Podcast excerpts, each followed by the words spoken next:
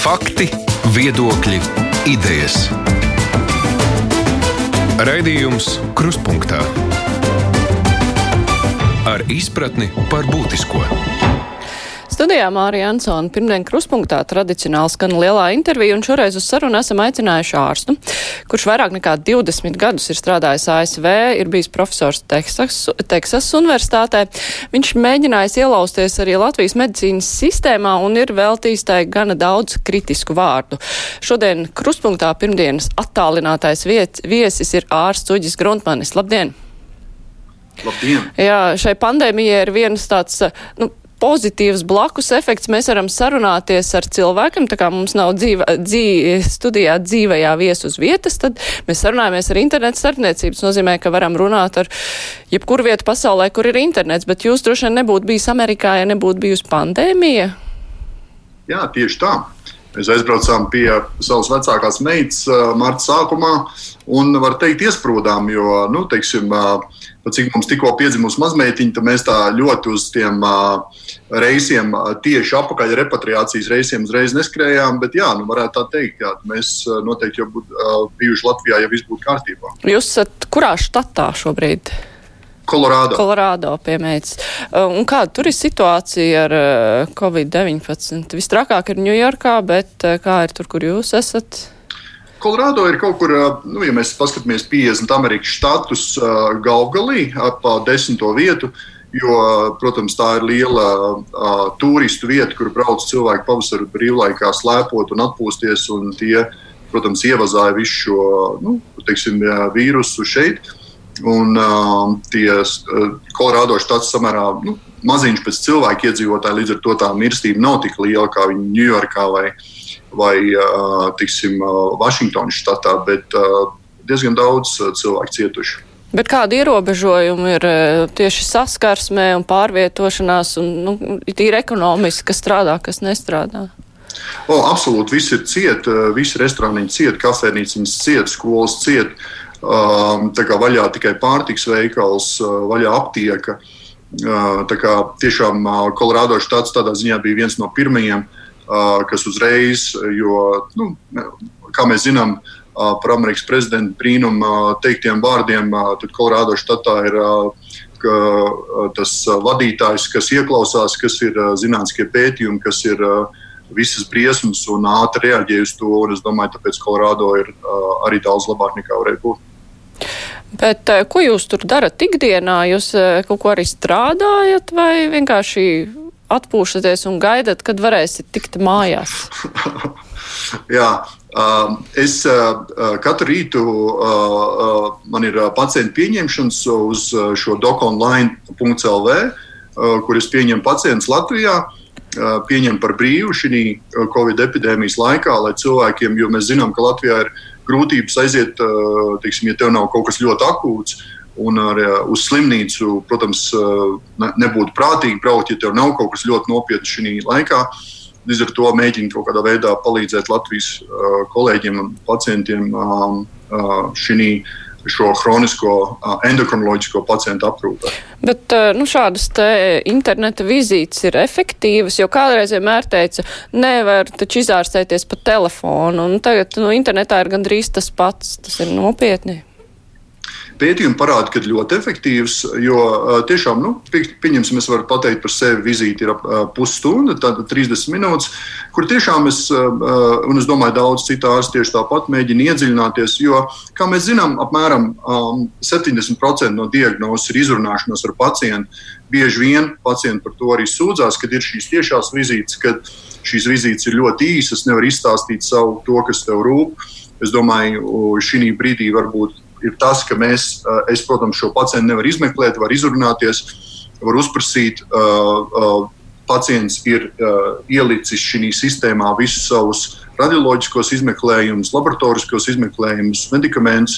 Mēs varam izdiskutēt to uh, par un pret, un uzdot jautājumus atbilstoši, un cerams arī saņemt atbildes.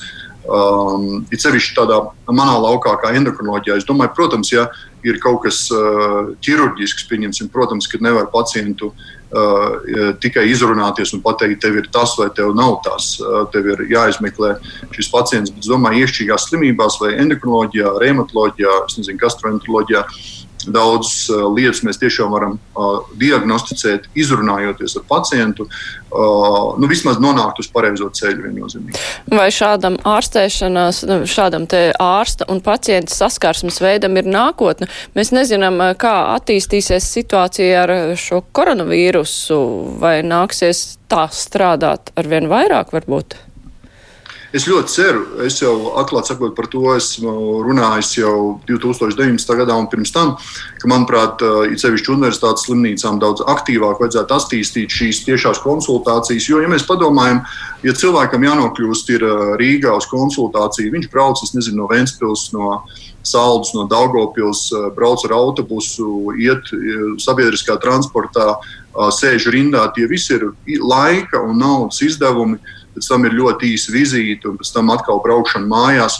Un bieži vien šis ārsts ir neapmierināts ar to, kādi izmeklējumi ir atvesti līdzi un saka, nu, ko jūs pie manis nācāt, jums vajadzēja vēl šo un to.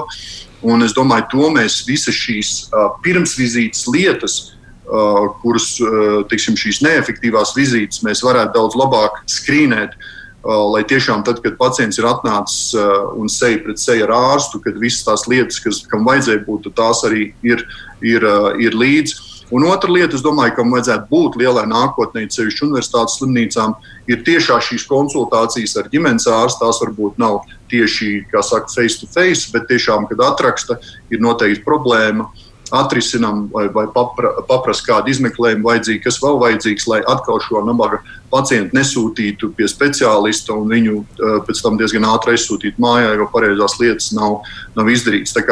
Es ļoti, ļoti ceru, ka uh, šis uh, uh, formāts vai uh, internetu formāts, uh, konsultāciju formāts tikai uh, palielināsies, un uh, tas būs viennozīmīgi labi Latvijas pacientam.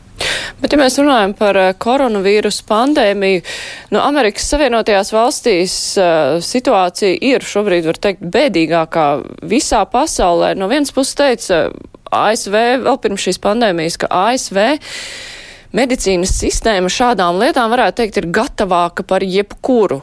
Bet upuru skaits Amerikā ir lielākais. Kā tas ir skaidrojams? Nē, nu, varbūt nedaudz korekcija. Es domāju, upuru skaits, ja mēs pārreikinām absolūtos skaitļos, bet, protams, ka Amerika ir vismaz teiksim, piecas reizes lielāka par, nedaudz vairāk kā piecas reizes lielāka par Itāliju. Protams, ka tie kopējie skaitļi ir lielāki, bet, ja mēs pareiķinām uz vienu miljonu iedzīvotāju, tad, protams, kad Beļģija ir pirmā vietā pasaulē pēc, diemžēl, pēc mirušo skaita. Bet, protams, Amerikai viennozīmīgi nav ar ko lepoties. Es domāju, šie um, Amerikas vadības paziņojumi, ka uh, pie mums nekas nebūs, mums ir viss labi uh, sākumā, un tad uh, mēs, esam, mēs tiekam ar to galā, un tad, protams, problēmas ar testiem. Un uh, vispārējais, un uh, šī politiskā cīņa starp republikāņiem un demokrātiem, uh, kur uh, pašreizējais prezidents ir nobežījies par to, kāda būs viņa šie uh, um, popularitātes reitingi. Uh, ir domāju, viens no tiem iemesliem, kāpēc cilvēki ir apmulsuši, jo prezidents saka tā, un štata vadība saka tā, un uh, vēl kādi tiksim, uh, labējie uh, žurnālisti saka tā, un vairāk kreisi žurnālisti saka tā. Līdz ar to mēs tiksim, redzam šo ļoti kraso, kraso politisko mm, sadali. Mēs redzam, ka Dienvidu štatos Uh, visu grib vērt vaļā, un vīrusu inficēti ir daudz vairāk, izņemot, protams, Ņujorku. Bet Ņujorkā es domāju, tiešām tas iemesls ir, jo cilvēki dzīvo viens otram, nu, tā teikt, uz galvas un ļoti, ļoti tuvu. Uh, bet, uh, ja mēs paskatāmies teiksim, pārējo, tad, protams, dienvidu štatos šie gadījumi ir daudz, daudz vairāk. Bet um, nu, tas, kas arī ir aizskanējis līdz Eiropai, ka ir Amerikā ļoti daudz cilvēku, tajā pašā Ņujorkā, kur uh, tas vidējais, uh, ka nu, tas saslimušo skaits un mirušo skaits uz miljonu ir augstāks nekā citos štatos, ka problēma ir tāda, ka visi cilvēki nevar atļauties uh, Amerikas veselības apdrošināšanu un neapdrošinātie cilvēki ārstējas un nomirst mājās. Tā ir realitāte. Es domāju, ka tā nav realitāte, jo viena lieta ir druskuļi pārprast par Ameriku, ka, ja tev ir akūta slimība, to jau 86. gadā uh, pieņēma prezidents Reigans, ka nevienu no uzņemšanas nodaļas uh, nevar aizraidīt prom. Ja tu brauc uz uzņemšanas nodaļu un tev ir akūta slimība, visi darīs visu iespējamo, kas no var. Tā problēma ir, es domāju, kāpēc tiek runāts par to, ka ir lielāka mirstība, ir tas, ka cilvēki, es domāju, pie sevis mājās apdomā, nu, es nezinu, vai man ir tik slikti. Tagad ir šī epidēmija, šie cilvēki ir tur. Es arī negribu inficēties. Varbūt es nebraukšu, varbūt paliks labāk. Es domāju, tā ir tā lieta, kāpēc bieži vien uh, tā ir. Man arī uztrauc, uh, skatos, un tā, es negribu pārāk daudz uh, uh, vēl tādā par to diskutēt, bet, ja mēs paskatāmies martā Latvijā, teiksim, mirstība kopēji ir pa 5% vairāk nekā martā 2019. gadā. Es nezinu, vai mums ir skaidrs, kāpēc viņi ir lielāki.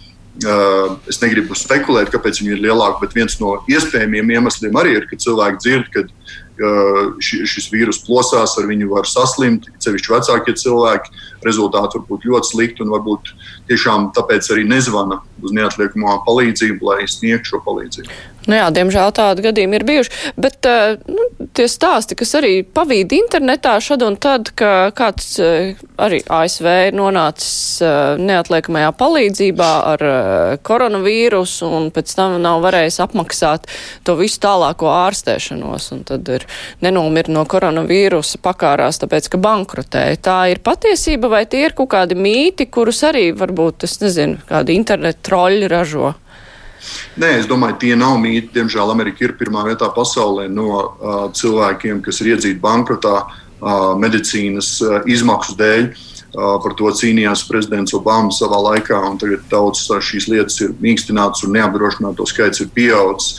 Un viennozīmīgi, teiksim, ja ir ja nav šī akūtā slimība, teiksim, tev ir infarkts, tu nāc te uzņemšanas nodaļā vai neatliekamā palīdzībā, tu saņem visu ārstēšanu, bet ir uh, patiesi un īsti stāsti, pieņemsim, Zinu, tu, tev ir uh, sajūta, ka tu esi ilgi smēķējis, tev sāk uh, klepus parādīties, un, vien, un tev nav apdrošināšana. Tu apdomā, vai tev iet uz slimnīcu, vai tev saņemt ārstēšanu, jo tas var izrādīties tev pārāk dārgi, tev ir mājiņa, tev varbūt tev to atņems.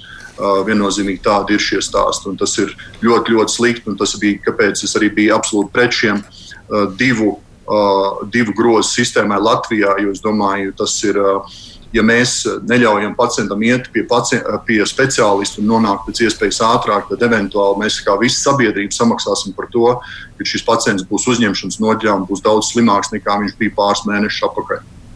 Jā, te klausītājs arī vaicā nu, jūsu vērtējumu. Arī ASV nonāk cilvēki intensīvās terapijas nodaļās ar Covid. Tad ko ASV dara savādāk kā Vācija, kur intensīvā terapija pacientiem izskatās efektīvāk? Esat pētījis? Es, es ļoti neesmu iedziļinājies, nedaudz esmu iedziļinājies, jo, kā mēs redzam, Vācijā tiešām Eiropā ir uh, pirmā vietā no intensīvo terapiju gultu viedokļa. Tātad, uh, cik cilvēki ir, uh, uh, teiksim, var nonākt intensīvā terapijā, ka nav problēmas viņiem tur tikt. Ja? Amerikā arī ir uh, ļoti daudz intensīvās terapijas gultas, uh, liela daļa no slimniekiem, kas ar dažādām slimībām slimo, diemžēl Amerikā nomirst intensīvā terapijā, uh, nevis teiksim, mājās. Uh, bet es domāju, teiksim, par to jau par to tiešām datu nav, cik cilvēki nonāk intensīvā terapijā un tieši kāda ir mirstība. Katrā intensīvā terapijā mēs redzam kopējo mirstību, bet tieši intensīvās terapijas mirstība man tāda data nav. Nu, labi, Parunāsim par Latviju. Kā jums šķiet, cik eh, Latvija bija gatava šai pandēmijai? Mēs sākumā uztraucāmies par eh, mūsu mazo ventilācijas iekārtu skaitu, gultas vietu skaitu, intensīvās terapijas nodaļās. Paldies Dievam, mums ir arī mazs saslimušo skaits, bet uh, kopumā tad kā jūs vērtētu Latvijas gatavību šai situācijai? Es domāju, Latvija līdzīgi kā pārējās valsts nebija gatavs uh, taču, uh, uh, epidēmijai, jo nu, teiksim, šis mūsu strateģiskais uzkrājums ar maskām, brillēm, tērpiem. Protams, kad mēs, mēs, tas šķiet ir noslēpums Latvijā, bet es lasīju nesen laikrakstā, ir, kad Igaunija bija pārsteigta, cik viņiem maz šī uzkrājumā tikai 20 kartonu kastes, kastēs bija visi šie, nu, kas ir domāti šiem krīzes uh, stāvokļiem. Bet uh, otra lieta ir, kā mēs to esam uh, pārvarējuši. Es domāju, tiešām pateicoties teiksim, izciliem infektologam, kā Ugam Dumpim un mūsu epidemiologiem, es domāju, šī situācija Latvijā, Latvijā mums ir otra labākā, otra labākā Eiropas Savienībā aiz Slovākijas. Un, tiksim, protams, ka ir lietas, kas vēl joprojām klibo, un, un par, tās, par tām mēs varbūt parunāsim, un kur es nepiekrītu. Bet, ja mēs kopumā skatāmies, tiksim, kā Latvijai kāds ir rezultāts, Un es domāju, tur ir vairākas lietas, kāpēc viņš varbūt arī ir tik labs. Ne tikai mediķu pateicības dēļ, tas ir arī tāpēc, ka mēs esam tālu no Itālijas. Mēs esam, mums, diemžēl, ir samērā maza cilvēku, cilvēku daudzums, kas daudz ceļo. Igaunija ir vēl tālāk no Itālijas. Jā, jā, tieši tā. Nu, Igaunijā, laikam, nu, vismaz saprotu, bija tikai tā vienā vietā, kur bija šī basketbola komanda. Tur ir tāds vienkārši absolūts. Uh, cilvēku daudzums, kas ar neuzmanību inficēja visu pārējo, pārējo Igauniju. Kā, bet es kopumā domāju, ka bez Slovākijas, kā mēs redzam, tie cipari, un vakar arī premjerministrs aizvakar Anglijas vienā no vadošajām avīzēm stāstīja par to, kāda Latvijā ir šī pieredze. Um, un šie mirstības uh, tu, tu, tu, cipari ir uh, salīdzinoši ļoti, ļoti. Katrs cilvēks, protams, kas mirst šādā situācijā, ir, ir ļoti traki ģimenei un tuviniekiem, bet, bet teiksim, ja mēs paskatāmies protams, uz Rietumē Eiropas valstīm vai arī uz Skandinávijas valstīm, ir sevišķi uz Zviedriju, tad mēs redzam, ka mēs, mūsu mirstības cipari ir tiešām daudz, daudz labāk. Tas nozīmē, ka mūsu ierobežojošie pasākumi labi nostrādāja. Es domāju, nu, ja mēs, mēs, protams, zinām to visi, ka mēs esam gandrīz tikpat lieli, cik Holanda. Holandē dzīvo 20 miljoni šī pašā uh, teiksim, lieluma valstī kā Latvija, un mums dzīvo nedaudz mazāk par diviem miljoniem. Tā kā mums ir šī uh, dabiskā distancēšanās diezgan liekas, nopietna, izņemot Rīgu. Bet arī man liekas, šis vienojošā ziņa no vadošiem tiksim, cilvēkiem, kad ir jādistancējas, kad ir jāmazgā rokas, kad ir. Kad, un tas, es domāju, viennozīmīgi nes rezultātu. Es domāju, var parunāt, vai tas ir viss, ko vajadzēja teikt. Kā es esmu diezgan kritiski izteicies, es domāju, ka uh, Mm, tad, kad sākās šie, šī nevis ārējā infekcija, kas ir ienesta no ārzemēm, bet tā iekšējā, kur mēs viens otru nododam un zinot to, ka um, no 30 līdz 70% cilvēku, kam ir diagnosticēts Covid, nav neviena simptoma, tad daudz no viņiem vienkārši staigā inficēti, inficēt citus, bet viņi paši par to nezina. Es personīgi domāju, un, protams, tās valstis, kurām ir gājis vēl labāk par Latviju, un tās ir Āzijas valstis, kā Hongkonga, un Taivāna, kur mirstība ir 0,3-0,5% uz, uz uh, miljonu iedzīvotāju, kas ir daudz, daudz zemāk nekā Latvijā. Viņi vien, visi nesā maskas, un es domāju, tas ir ļoti, ļoti svarīgi. Ja mēs ejam uz veikalu, kā daudz ir rakstījuši rakstu portālos, kad ja, cilvēkiem ir apnicis distancēties, un viņi to vairs nedara. Es domāju, ir ļoti, ļoti svarīgi, ka cilvēki iet uz šīm vietām, vai tā būtu aptieka vai ne nezinu, ārsta, viennozīmīgi ārsta, um, pie ārsta uzņemšanas nodaļā, uh, teiksim, ir jābūt maskai. Tajā pašā laikā ir valstis, uh, kuras uh, paļāvās uz tā saukto kolektīvo imunitāti, nu, cerēju uz to, un uh, tur šie ierobežojošie pasākumi bija diezgan vaļīgi, bet, nu, jau Zviedrija, kas ir, bija tā kā palikusi viena no pēdējām šajā frontē, arī ievieš stingrākus pasākums. Tas nozīmē, ka, nu, tā cerība, ka cilvēki izslimos un viss ar to arī pāries, ka tā ir izcerēta. Nav vērts vai vairs uz to paļauties. Ne, protams, ka tā ideja jau tāda ir. Ja mēs visi izslimojam, tad pārējie neslimo. Bet eh, kā, kā Zviedrija un arī sākumā Anglija parādīja, šis upuru skaits ir pārāk liels, uh, lai to varētu demokrātisku valsts uh, tolerēt. Un, uh, es domāju, šīs tagad jau, kā mēs zinām par Anglijas premjerministra slimību, Viņš arī ir, es sapratu, vakar izteicies ļoti atturīgi par to, ka atvērt un ļaut biznesiem uzņemt cilvēkus. Jo, protams, tad, kad tev ir tieši šī personīgā saskara ar šo vīrusu, un kā viņa gadījumā ļoti nopietni saskara ar šo vīrusu, nonākot intensīvā terapijā, tad es domāju, tas liek padomāt par šīm un jābūt ļoti, ļoti uzmanīgiem arī Latvijā, bet arī visur pasaulē kad mēs ļoti pamazām un lēnām varētu atvērt teiksim, šos vietas, kur cilvēki vairāk pulcētos. Jā, mums pirms raidījuma arī brīvajā mikrofonā zvanīja kāds klausītājs. Viņš lūdza uzdot jautājumu par uh, To, viņš bija lasījis kādu rakstu, kur bija teikts, ka Covid gadījumā neveidojoties antivielas. Nu, man šķiet, ka es arī lasīju to rakstu, ka, nu, ka tur bija brīdinājums, ka varētu neveidoties tādas e, paliekošas antivielas, un tad viņam bija jautājums, nu, kāda jēga no vakcīnas? Mm. Nē, nē, nē. Uh, antivielas veidojas. Uh, runa ir par to, ka antivielas neveidojas, ja vīrusu mutē. Tas ir iemesls, kāpēc mums ir teiksim, gripas vakcīna katru gadu jauna. Ja? Tas nav tā kā pie nezinu, hepatīta vakcīnas, kad mēs viņu vienreiz saņemam un mums ir imunitāte. Tāpēc ir iespējams, ka šis vīrus mutē un ir iespējams, ka jauna vakcīna būs nepieciešama katru gadu. Skaidrs, ka imunitāte izstrādājās, uh, imunoantivielas paaugstinās šī vīrusa gadījumā nav vēl skaidri īsti, ko tas nozīmē. Bet ir arī daži nu, gan no Ķīnas zinātnes pētījumi, kad teiksim, ļoti slimiem cilvēkiem ielaiž šo izvesļojušos cilvēku uh, serumu. Un šie, uh, šiem pieciem cilvēkiem vismaz Ķīnā uh, klīniskā situācija labi uzlabojās. Jā, nu vēl klausītājs, kāds cits grib zināt, kāds ir jūsu viedoklis par Pasaules veselības organizāciju un tās spēju būt pandēmijas operatīviem centram, kas analizē un sniedz valstīm rekomendācijas. Es domāju, ka eh, Pasaules veselības organizācija ir eh, ļoti svarīga organizācija. Taču tā ir liela birokrātiska organizācija ar budžetu, man liekas, 5 miljardi gadā. Un, protams, ka kamēr visa šī informācija un kamēr katrs parakstās un apstiprina to, ka lietas būs tā un nevis savādāk, es domāju, par to ir šī mana bažas.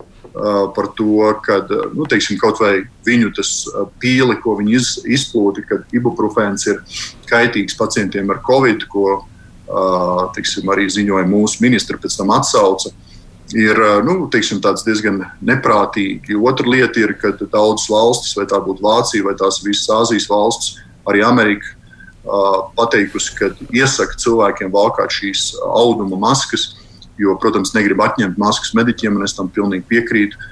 Pētījumi ir parādījuši ne tieši pret covid, bet teiksim, pret gripas vīrusu, ka šīs auduma maskas, vai slēpošanas maskas, vai šalles kaut vai par nelielu, ļoti nelielu procentu samazina šo inficēšanās risku. Uh, Un tas ir ļoti lēti. Man ir grūti bijis vienmēr saprast, kāpēc mēs Latvijā to neesam daudz vairāk uh, pieprasījuši. Uh, es domāju, tieši uh, veselības ministrijas vadības līmenī pieprasījuši, ka cilvēkiem, kas iet uz ielas, viņas nesā. Jā, par situāciju Latvijā mēs turpināsim Tūlīt pēc īsa brīža es tikai atgādināšu Latvijas radio klausītājiem un arī vēlāk Latvijas televīzijas skatītājiem, ka šodien kruspunktā lielā intervija ar ārstu Uģi Gruntmani.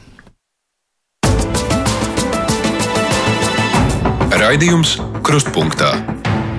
Jā, tā kā jūs šodien atrod, šobrīd atrodaties Amerikas Savienotajās valstīs, tad uh, jūsu komunikācija ar Latviju pārsvarā notiek ar internetu palīdzību un arī sociālajos tīklos mēs lasam jūsu diskusijas par uh, dažādām veselības aprūpas problēmām.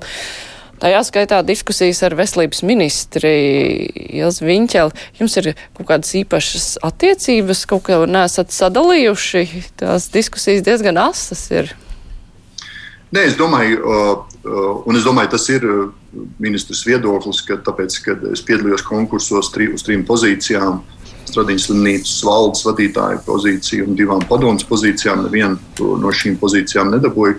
Līdz ar to ministrē ir viedoklis, ka man ir kāds personīgs aizvainojums. Es esmu komentējis to, ka, manuprāt, kā, uh, man nav uh, nekāda personīga aizvainojuma. Vienkārši tiešām ir uh, tāds um, skumjas pārdomas par uh, visu šo procesu, kā tas notika.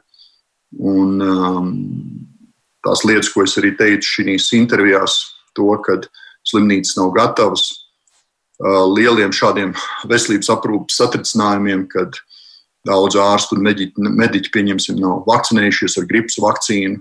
Tanī brīdī es vēl domāju, ka varētu būt, par ko arī runāja šī lielā gripas epidēmija. Un, um, es, uh, tās, tās lietas, tiksim, par ko es runāju, bija ļoti, ļoti svarīgas. Mēs redzam, ka slimnīca tiešām sākuma periodā vismaz noteikti nebija gatavs tam. Jūs pirms neilga brīža minējāt, nu, kā vienu no iespējamām kļūdām, ko vajadzēja veselības ministrijai izdarīt, likt visiem nesāt maskas, kaut vai auduma maskas. Bet vai Latvijas eh, rezultāti slimības izplatībā neliecina, ka tomēr tā taktika, kas ir bijusi līdz šim, ir pietiekoša? Nē, nu, es domāju, tas ir fundamentāls jautājums. Uh, ja mēs paskatāmies Eiropā, mēs varētu teikt, jā, bet ja mēs uzprasītu katrai ģimenei, kur cilvēks vai nu ir saslims vai nedodies nomiris, tad jautājums ir, vai šī maska būtu varējusi novērst vienu no šiem gadījumiem. Mēs varam tikai spekulēt, bet, kā jau teicu, sākumā tas ir tik lēta intervence. Palūgt cilvēkiem, lai viņi to nesā. Un te, protams, ir diskusija par to, vai tas neradīs kādu falšu drošības sajūtu vai tam līdzīgi. Un, uh, daudz šīs lietas, es domāju, cilvēki, mēs, eh, teiksim, vadība saka, dariet, distancējieties, mazgājiet rokas 20 sekundes. Nu, būtu jautājums, cik cilvēki reāli to dara. Uh, es domāju, ka katrs nākamais pasākums, ko mēs varam ieviest, ir sevišķi, kas valstī neizmaksā dārgi, un ko ir parādījušas pasaules līderis, kā ar tām cīnīties, kā es teicu, Taivāna un Hongkonga, uh, kur arī uh, teiksim, veselības epidemiologi un, un infektuologi to saka, tas ir ļoti svarīgi. Es vienkārši neredzu šo diskusijas jēgu. Es domāju, ir daudz pareizāk pateikt, to darīt. Un, um, un nekā to nedarīt, jo tas ir atkal viens tikai papildus. Tas nav aizvietojoši. Tas nav aizvietojoši. Uzliekam masku, visi ejam, visi tiekamies, nemazgājam rokas. Protams, ka nē. Tas ir papildinošs pasākums. Tātad distancēties, mazgāt rokas, mazgāt virsmas un uzlikt šo masku, kur iemācīties.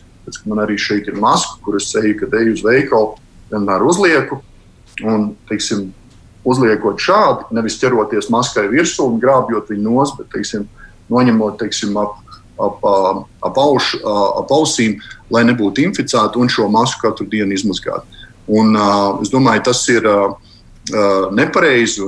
Arī man vairāki pacienti ir, kas ir uh, mediķi šīs ikdienas manās vizītēs, stāsta, ka uh, teiksim, veco ļaužu namos vēl joprojām šīs maskas nav pieejamas, nav informācijas, kad cilvē, mediķiem un arī šiem veciem cilvēkiem jāvalkā šās maskas.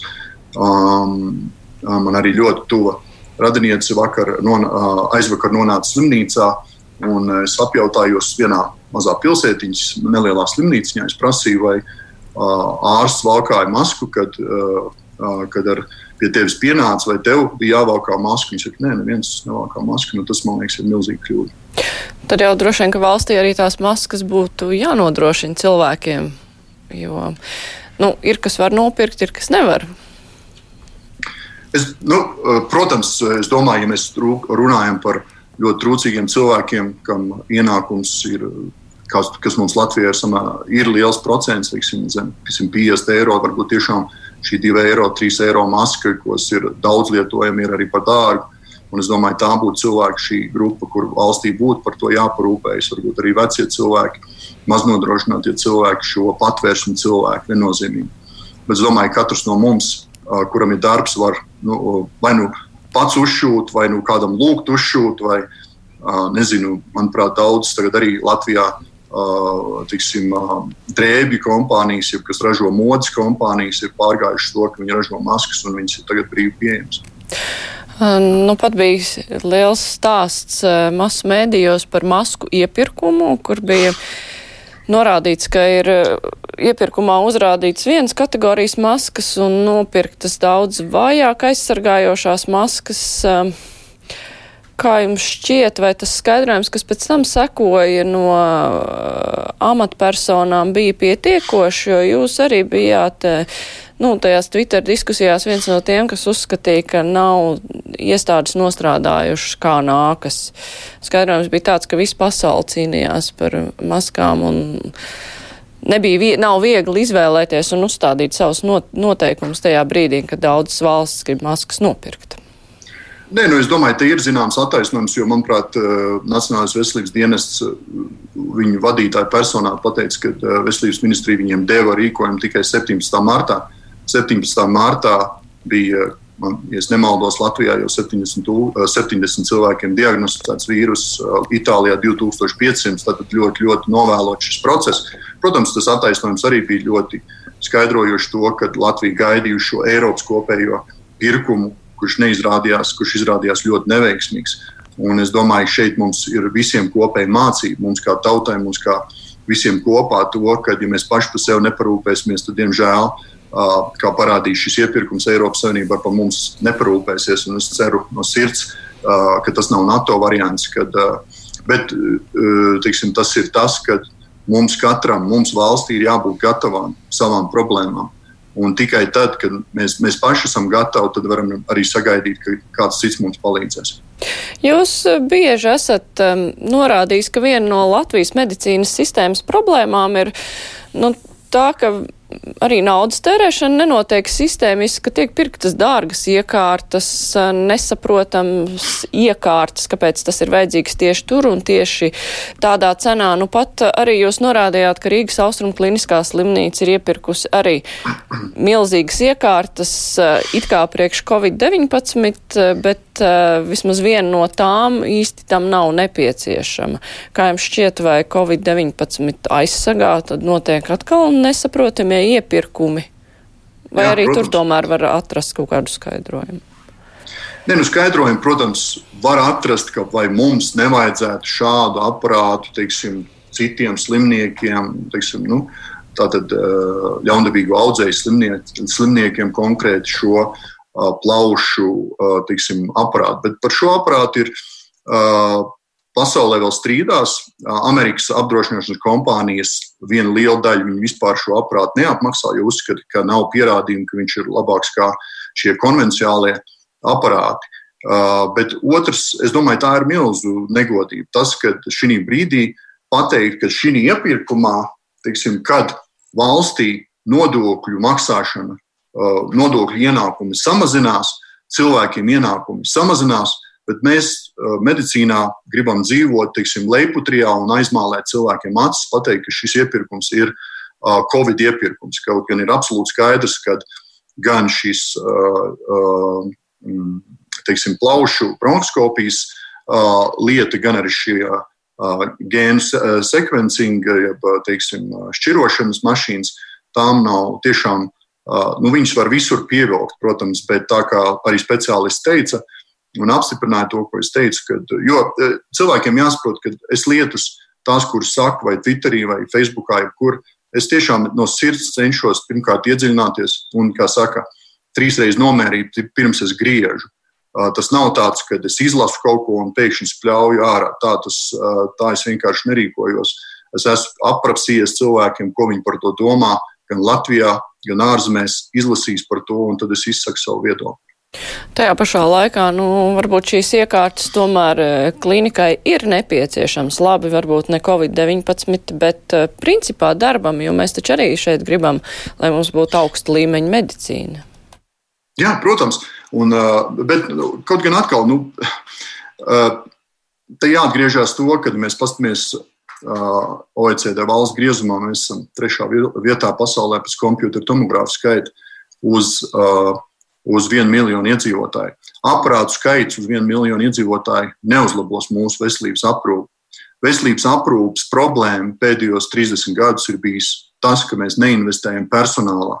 Tas, ka mēs maksājam māsīņām ļoti maz. Nes tikko bija arī uh, nopublicēts, cik medicīnas personāls strādā Anglijā. 560 mediķi strādā Anglijā. Šie cilvēki mums trūkst vairāk.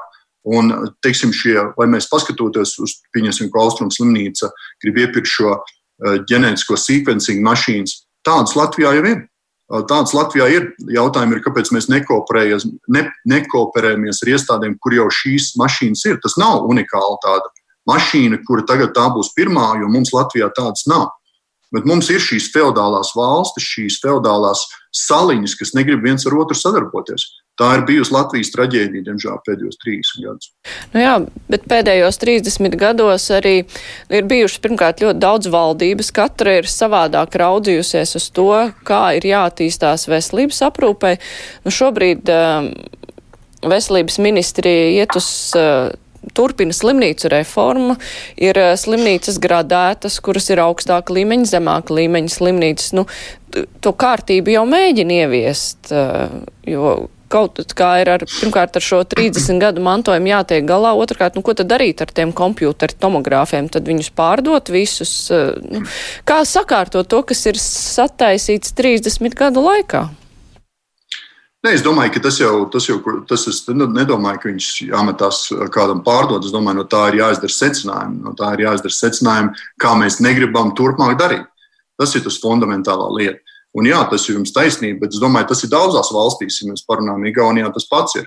Ministri ir mainījušies un nāk un iet, bet tas tomēr process paliek uh, samērā uh, godprātīgs, caurspīdīgs un uh, pārdomāts.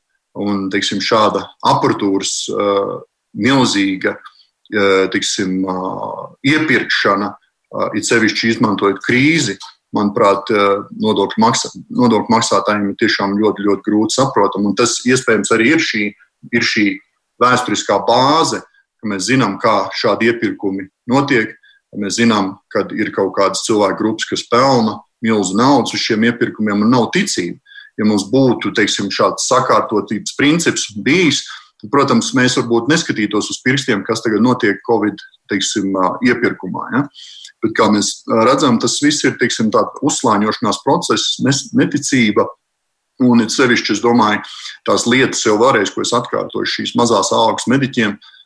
Es arī nepiekrītu, pieņemsim, kad, kā teiksim, ministrijā tagad tiek palielināts algas ministrijas teiksim, vadošiem darbiniekiem kamēr, ja tu strādā neatliekamā palīdzībā, teiksim, un ir tikai ļoti mazai daļai mediķu palielināts algas, un manuprāt, tas ir nepieņemami.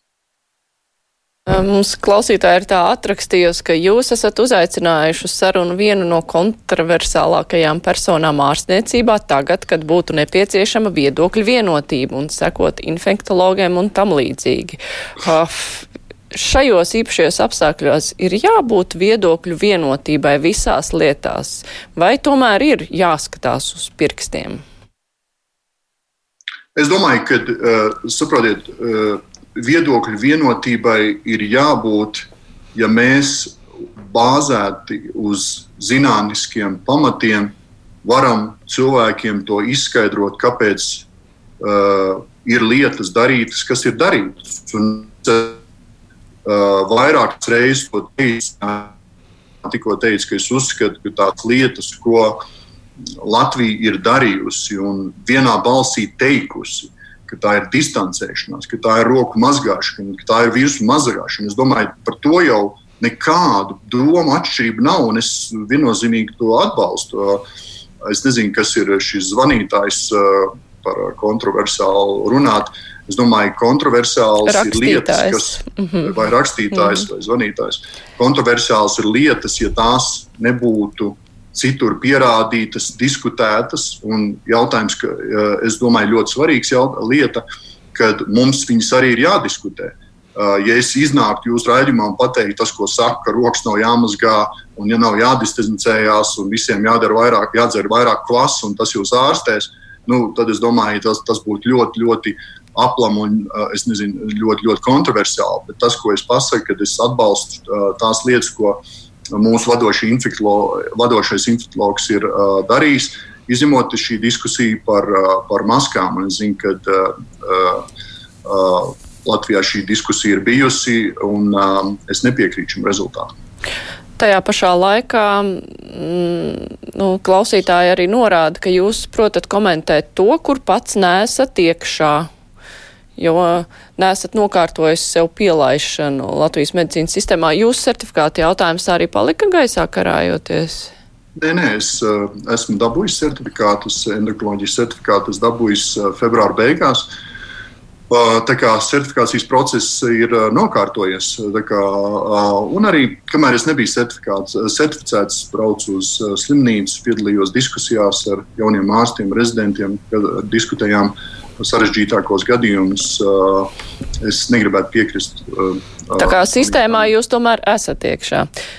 Es, jūs kārtojat eksāmenu vai izdevās nokārtot, nu, kā ārstu biedrība tur bija prasījusi izziņas no iepriekšējās darbvietas un pārējo? Jā, to ārstu biedrība saņēma un, un veselības inspekcija saņēma. Es tiešām liels paldies ārstu biedrībai, kas nāca pretī un arī izmainīja šos uh, likum, likumus, iekšējos likumus, lai kolēģiem, kas atgriežas no ne Eiropas Savienības valstīm vai ne, ne Eiropas ekonomiskās zonas valstīm, kas atgriežas no ASV, Kanādas, Austrālijas. Tātad, lai viņiem būtu pielīdzināts sakarā ar šo diasporas likumu, tad veicināt cilvēku atgriešanos, lai būtu pielīdzināts,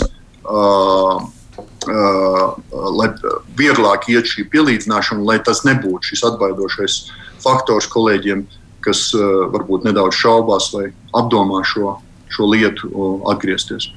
Bet kā jums šķiet, vai vispār sistēmā ir pārāk daudz šķēršļu, lai nu, cilvēkiem, kuri gribētu atgriezties strādāt Latvijā, nu, protams, mēs nerunājam par algām, kuras ir visticamāk mazākas nekā citur, bet nu, tie ir šie birokrātiskie šķēršļi, lai būtu cilvēki motivēti atgriezties Latvijā. Tie pastāv. Un ne tikai medicīnā, bet arī, piemēram, izglītībā, medicīnas izglītībā. Jā, es jau tiešām ne tikai es, bet to ir daudz teikuši un ar pasaules pieredzi Latvijā un jaunie, jauno zinātnieku apvienība. Un, protams, mēs, kā Latviešu ārstu un zobārstu apvienība, ko es vadu Lāza organizācijā, esam to teikuši, ka šīs reglamentēto profesiju atzīšana ir ļoti, ļoti smagnēja. Arī tagad ir ļoti, ļoti smagnēja. Mēs vēl, mums vakar bija Lāzas valdes sēde, mēs par uh, nedaudz tam tikai pieskārāmies. Uh, ir skaidrs, ka uh, pašreiz veselības ministrijas uh, uh, bīdītās izmaiņas ministra kabineta noteikumos atkal neparedz to, neņem vērā tiksim, tos kolēģus, kas ir ārpus Eiropas Savienības, neņem vērā diasporas likumu un saka mums, ka mums ir, jā, tas, tas ir jāvirza likuma tiksim, caur saimu. Tādā sarežģītā procesā vairākas reizes piedalījos. Uh, dažādās saimas komisijas sēdēs mēs redzam šo, nezinu, kā lai to nosauc, birokrātisko ļoti domāšanu vai bailes no šiem ārstiem, kas atgriezīsies. Man vienmēr uzdod jautājumu šajās saimnes komisijās, no kā tieši viņi baidās. Vai tiešām viņi domā, ka viens ārsts, kas atbrauks no Austrālijas, kas ir diasporas ārsts, viņiem ir jābaidās par viņu kvalifikāciju. Es domāju, tās ir nepamatots bailes, zinot to, cik mums trūkst kolēģi, zinot to, cik jauno kolēģi izbrauc. Es domāju, šie mehānismi ir ļoti, ļoti ierobežojuši. Ļoti līdzīgi un ierobežojuši. Viņi ir līdzīgi medicīnas augstākā izglītībā, par to es arī esmu teicis. Jo šeit ir šis sarežģītais process, kas varbūt cilvēkam no malas liekas sarežģītāks. Kāpēc teiksim, profesors no Austrālijas, Kanādas un nezinu, ASV nevarētu atzīt medicīnas, fakultāt, medicīnas fakultātēs Latvijā, vai mums viņi ir tik ļoti daudz, vai mums ir ļoti liels konkurss. Tas, es domāju, atkal ir ar mērķi ierobežot šo tirgu, ar mērķi ierobežot konkurenci, jo kādas, kādas, kādu teiksim, zināšanu nesamību mēs varētu pārmest kādam Austrālijas, Kanādas vai ASV profesoram, kas grib šeit atbraukt, bet kuram nav šis zinātnē doktora grāds, bet ir daudz, daudz vairāk publikācijas nekā teiksim, kādam citam šeit. Tajā pašā laikā nu, Latvijas augstākās izglītības pārstāvjiem droši vien ir nepatīkami dzirdēt, ka jūs savukārt apšaubījāt uh, uh, mūsu augstākās izglītības nu, nepasniedzē, bet mācību spēku zinātnisko kapacitāti, ka pie mums doktora grādu iegūt ir vieglāk, piemēram, nekā citur. Gan, un atsaucāties uz uh, indeksu, kas nosaka, ko nosaka pēc publikācijas skaita. Tajā pašā laikā Latvijas universitāte saka, jā, bet uh, var arī citādāk vērtēt uh, šo mācību spēku kapacitāti. Tad jautājums, kam ir taisnība? Es domāju, tagad izglītības ministrija arī pie tā strādā. Es domāju, ir pilnīgs, es nezinu, cik dziļi mums vajag tajā iedziļināties. Tas ir ļoti specifisks lieta, bet skaidrs, ka H indeks ir absolūti starptautisks indeks, kā zinātniekus vērtē visā pasaulē. Tas nav mana iedomāta lieta, ka tas ir tas indeks, pēc kā mums viņus vajadzētu izvērtēt. Ir diskusija teiksim, par humanitārām zinātnēm, un es pievienojos, ka varbūt H indeks humanitārās zinātnēs nav tik precīzi, kā tas ir teiksim, nezinu, medicīnā, fizikā, ķīmijā, kur viņš ir absolūti precīzs. Un, bet mums jāatcerās arī tas cilvēkiem, un es domāju, cilvēki jau to varbūt arī zina. Zinātnē viņi noteikti zina, ka arī šis H indeks ir manipulējams. Tātad, ja tu esi kāds noteikts vadītājs un tevi pierakst pie visām iespējamām publikācijām, tad A indeks ar tavu ieguldītu mazu darbu arī būs ļoti augsts. Jā, satversmes tiesa skatīs saskaņas deputātu pieteikumu mācībās par mācībām augstskolās tikai latviešu valodā. Un es lasīju, ka jūs esat pieaicinātā persona. Kādā sakarā? Ko jūs tur liecināsiet? Es tiešām nezinu, kādā sakarā es tā neuzdevu tādu jautājumu, kā, kāpēc viņi man izvēlējās. Man grūti pateikt, kā, kā notiek šis izvēles process. Bet kāds ir jūsu viedoklis par mācībām augstākajā izglītībā tikai latviski? Mans viedoklis ir, tur bija tāds daudzslāņains. Tur ir viena valoda ir par, nu, teiksim, kur es saprotu, privātās augstskolas bija interesētas, lai daudz krievu valodā varētu mācīties. Uh, Uh, man tas ir pilnīgi nepieņemams. Um, es domāju, ka izsniegt Eiropas Savienības diplomu ar valodu, kas nav Eiropas Savienības valoda, ir grūti saprotams, grūti izskaidrojams. It sevišķi, kad uh, nu, teiksim, uh, nu, es, es tiešām nezinu, tas man, tas man šķiet ir nepareizi. Ja mēs runājam par angļu valodu, tad man ļoti tuvs ir Dānijas veids, kā viņi pieiet augstākā izglītībā, un Holandas, it sevišķi ārzemniekiem. Ja? Jo es domāju, ir ļoti labi, ka tiksim, pārējās valstīs, Eiropā, pieņemsim, bakalaura grādu, vienmēr cilvēki ir iegūti savā dzimtajā valodā. Vienīgi, nu, tas ir vienīgais veids, angļu valodā nevar. Bet, angli, bet teiksim, Dānijā un Holandē tu vari iegūt arī angļu valodā šo bakalaura grādu. Bet, ja mēs runājam par maģistra grādu un doktora grādu, tad visās Eiropas Savienības valstīs, un sevišķi tajās, kur mēs uzskatām, ka zinātne un izglītība ir labā līmenī, kā atkal Skandināvijas valsts vai tā ir Holanda, Tur, protams, nav diskusija, kad uh, viennozīmīgi var iegūt šo izglītību teiksim, uh, angļu valodā. Bet Latvijā tas ir, teiksim, kad visiem šiem, es nezinu, no kurienes viņi, uh, teiksim, cilvēki atbrauc, vai tie būtu no Indijas, Pakistānas vai Vācijas, viņiem jāmācās latviešu valodu. Un tad, manuprāt, notiek tas, ka uh, Latvijas valsts ir pieņēmuši šo likumu, ka šiem ārzemniekiem jāmācās valoda. Daudz skolas izliekās, ka viņas mācās. Tie cilvēki izliekas, ka viņi mācās, bet nu, viņi jau nerunā latviešu. Mm -hmm. Runājot par jūsu karjeru Latvijā, ārsts certifikāts jums ir. Jūs uh, apmierinās arī alga, ko ārsts var nopelnīt Latvijā. Jā, protams, es jau to vairākas reizes teicu. Ja es uztrauktos par algu, tad, protams, Latvijā es nebūtu atgriezies. Tas uh, viennozīmīgi nav nekāds uh, pamatprasība, jebkādā ziņā. Um, tā kā, uh, jā, jā. Bet jūs arī minat, ka Latvijā ārstu algās, nu, ka tā ir tā viena no problēmām, kas nav sakārtot uh, Latvijas veselības aprūpē. Kā jūs teikt, jums ir kaut kāda brīnumnoiņa, ka jums uh, visa kā būs gana, citiem ārstiem nē? Nē, nu, es domāju, mana brīnuma nūjiņa uh, varbūt ir tāda, ka es tiešām 22 gadus biju ārsts Amerikas Savienotās valstīs. Uh, man ir iekrājumi, līdz ar to es neesmu tieši atkarīgs no šīs uh, ikmēneša algas. Es domāju, tā ir tā vienīgā brīnuma nūjiņa. Domāju, um, uh, bet par to, ko es esmu uh, teicis iepriekš, ka, uh, protams, ka tās milzu, milzu nevienlīdzības, kas ir veselības aprūpes sistēmā, un tā ir valsts sistēmā, šeit es pat nerunāju par privāto sistēmu, kas būtībā mums nevajadzētu regulēt, cik varbūt cilvēki tur pelna. Bet valsts sistēma, kur vienā universitātes slimnīcā tiksim, cilvēks nostrādā šīs 40 stundas ārsts, un saņem tūkstotis, un viens nostrādā tos pašus 40 un saņem, tiksim, desmit reizes un vairāk. Tas ir nepamatot. Bet jūs kādreiz esat saņēmis ticamu skaidrojumu, kā tas tā var būt? Um, ticamu skaidrojumu es esmu saņēmis dažādus skaidrojumus, kas to skaidro. Uh, neviens man no viņiem nav izlicies godīgs, caurspīdīgs un taisnīgs. Mm -hmm.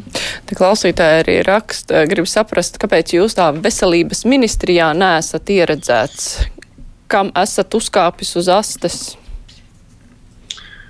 Es domāju, aste vai kā. Es domāju, ir šīs viedokļa atšķirības. Tās ir domāju, tās lietas. Es domāju, ka uh, lielākai daļai uh, uh, tie, kas ir vadības postiņos, protams, ir nepatīkami dzirdēt, ka viņus kritizē. Un es domāju, šī mana kritika, acīm redzot, ir ļoti līdzīga izraisījusi šādu nepatīkamu pretreakciju, kas ir man žēl. Ir. Bet eh, jūs kādreiz eh, varētu arī pats ķerties pie veselības aprūpas sistēmas sakārtošana, vai esat gatavs ieņemt eh, kādus amatus, jums tiktu piedāvāti tādi? Ne, jau, tā jau bija tā lieta, kāpēc mēs izlēmām atgriezties no Amerikas. Man bieži cilvēki pārmet, jo es jau tiešām esmu rakstījis par Latvijas veselības aprūpi pēdējos desmit gadus. Un uh, bieži vien komentāros bija, ne, nu, brauc, tad un dari. Nu, tas arī bija tas iemesls, kāpēc tiešām mēs kā ģimene izdomājām, ka nu, varbūt tiešām nav labi tikai no Amerikas komentēt un neko nedarīt. Un, uh, tas arī bija tas iemesls, kāpēc es tiešām pieteicos šajos konkursos, cerot uz godīgu, caurspīdīgu konkursu un uzskatīju, ka es tiešām esmu augstu kvalificēts un būtu derīgs šajos postiņos.